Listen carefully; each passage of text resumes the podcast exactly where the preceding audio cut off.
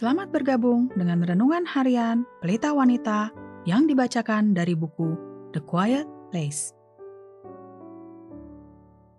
Pembacaan Alkitab hari ini diambil dari Mazmur 119 ayat 65 sampai 72. Kebajikan telah kau lakukan kepada hambamu, ya Tuhan, sesuai dengan firman-Mu. Ajarkanlah kepadaku kebijaksanaan dan pengetahuan yang baik sebab aku percaya kepada perintah-perintahmu. Sebelum aku tertindas, aku menyimpang. Tetapi sekarang, aku berpegang pada janjimu. Engkau baik dan berbuat baik. Ajarkanlah ketetapan-ketetapanmu kepadaku. Orang yang kurang ajar menodai aku dengan dusta, tetapi aku, dengan segenap hati aku, akan memegang titah-titahmu. Hati mereka tebal seperti lemak, tetapi aku, Tauratmu ialah kesukaanku, bahwa aku tertindas itu baik bagiku, supaya aku belajar ketetapan-ketetapanmu. Taurat yang kau sampaikan adalah baik bagiku, lebih daripada ribuan keping emas dan perak. Ayat kunci hari ini adalah Mazmur 119 ayat 67. Sebelum aku tertindas, aku menyimpang, tetapi sekarang aku berpegang pada janjimu. Tidak ada pertumbuhan tanpa penderitaan. Tidak ada seorang pun ingin menderita, tetapi penderitaan bisa menjadi media yang ampuh untuk pertumbuhan rohani. Satu lagi, sarana anugerah yang sangat efektif.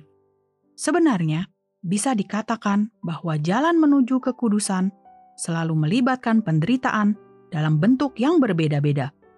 Tidak ada pengecualian atau jalan pintas. Ketika hidup kita seluruhnya baik-baik saja, bagaikan mawar tanpa duri, langit cerah tanpa awan, kita cenderung menjadi aman secara rohani dan tidak berhati-hati, mengabaikan evaluasi diri yang serius dan juga pengakuan dosa. Tetapi kesengsaraan memiliki kualitas yang berani dan membuat kita tidak bisa menghindarkan diri yang dapat menghilangkan endapan keras keegoisan dan keduniawian yang mungkin selama ini menumpuk selama menjalani kehidupan sehari-hari. Penderitaan terjadi karena berbagai macam alasan. Kadang-kadang itu adalah hajaran keras Allah terhadap dosa kita ketika Dia menghajar kita untuk kebaikan kita, supaya kita beroleh bagian dalam kekudusannya. Ibrani 12 ayat 10 Hal ini mungkin juga datang dalam bentuk pemangkasan, memotong ranting dan batang yang tidak perlu atau tidak berguna dari kehidupan kita, sehingga kita dapat menghasilkan lebih banyak buah untuk kemuliaannya dan penggenapan tujuan hidup kita. Yohanes 15 ayat 2 Seringkali penderitaan kita hanyalah rasa sakit yang tak terhindarkan yang berkaitan dengan hidup di dunia yang jatuh sambil menunggu dengan kerinduan yang besar untuk pembebasan terakhir kita dari kutukan dosa. Roma 8 ayat 19. Apa pun penyebabnya.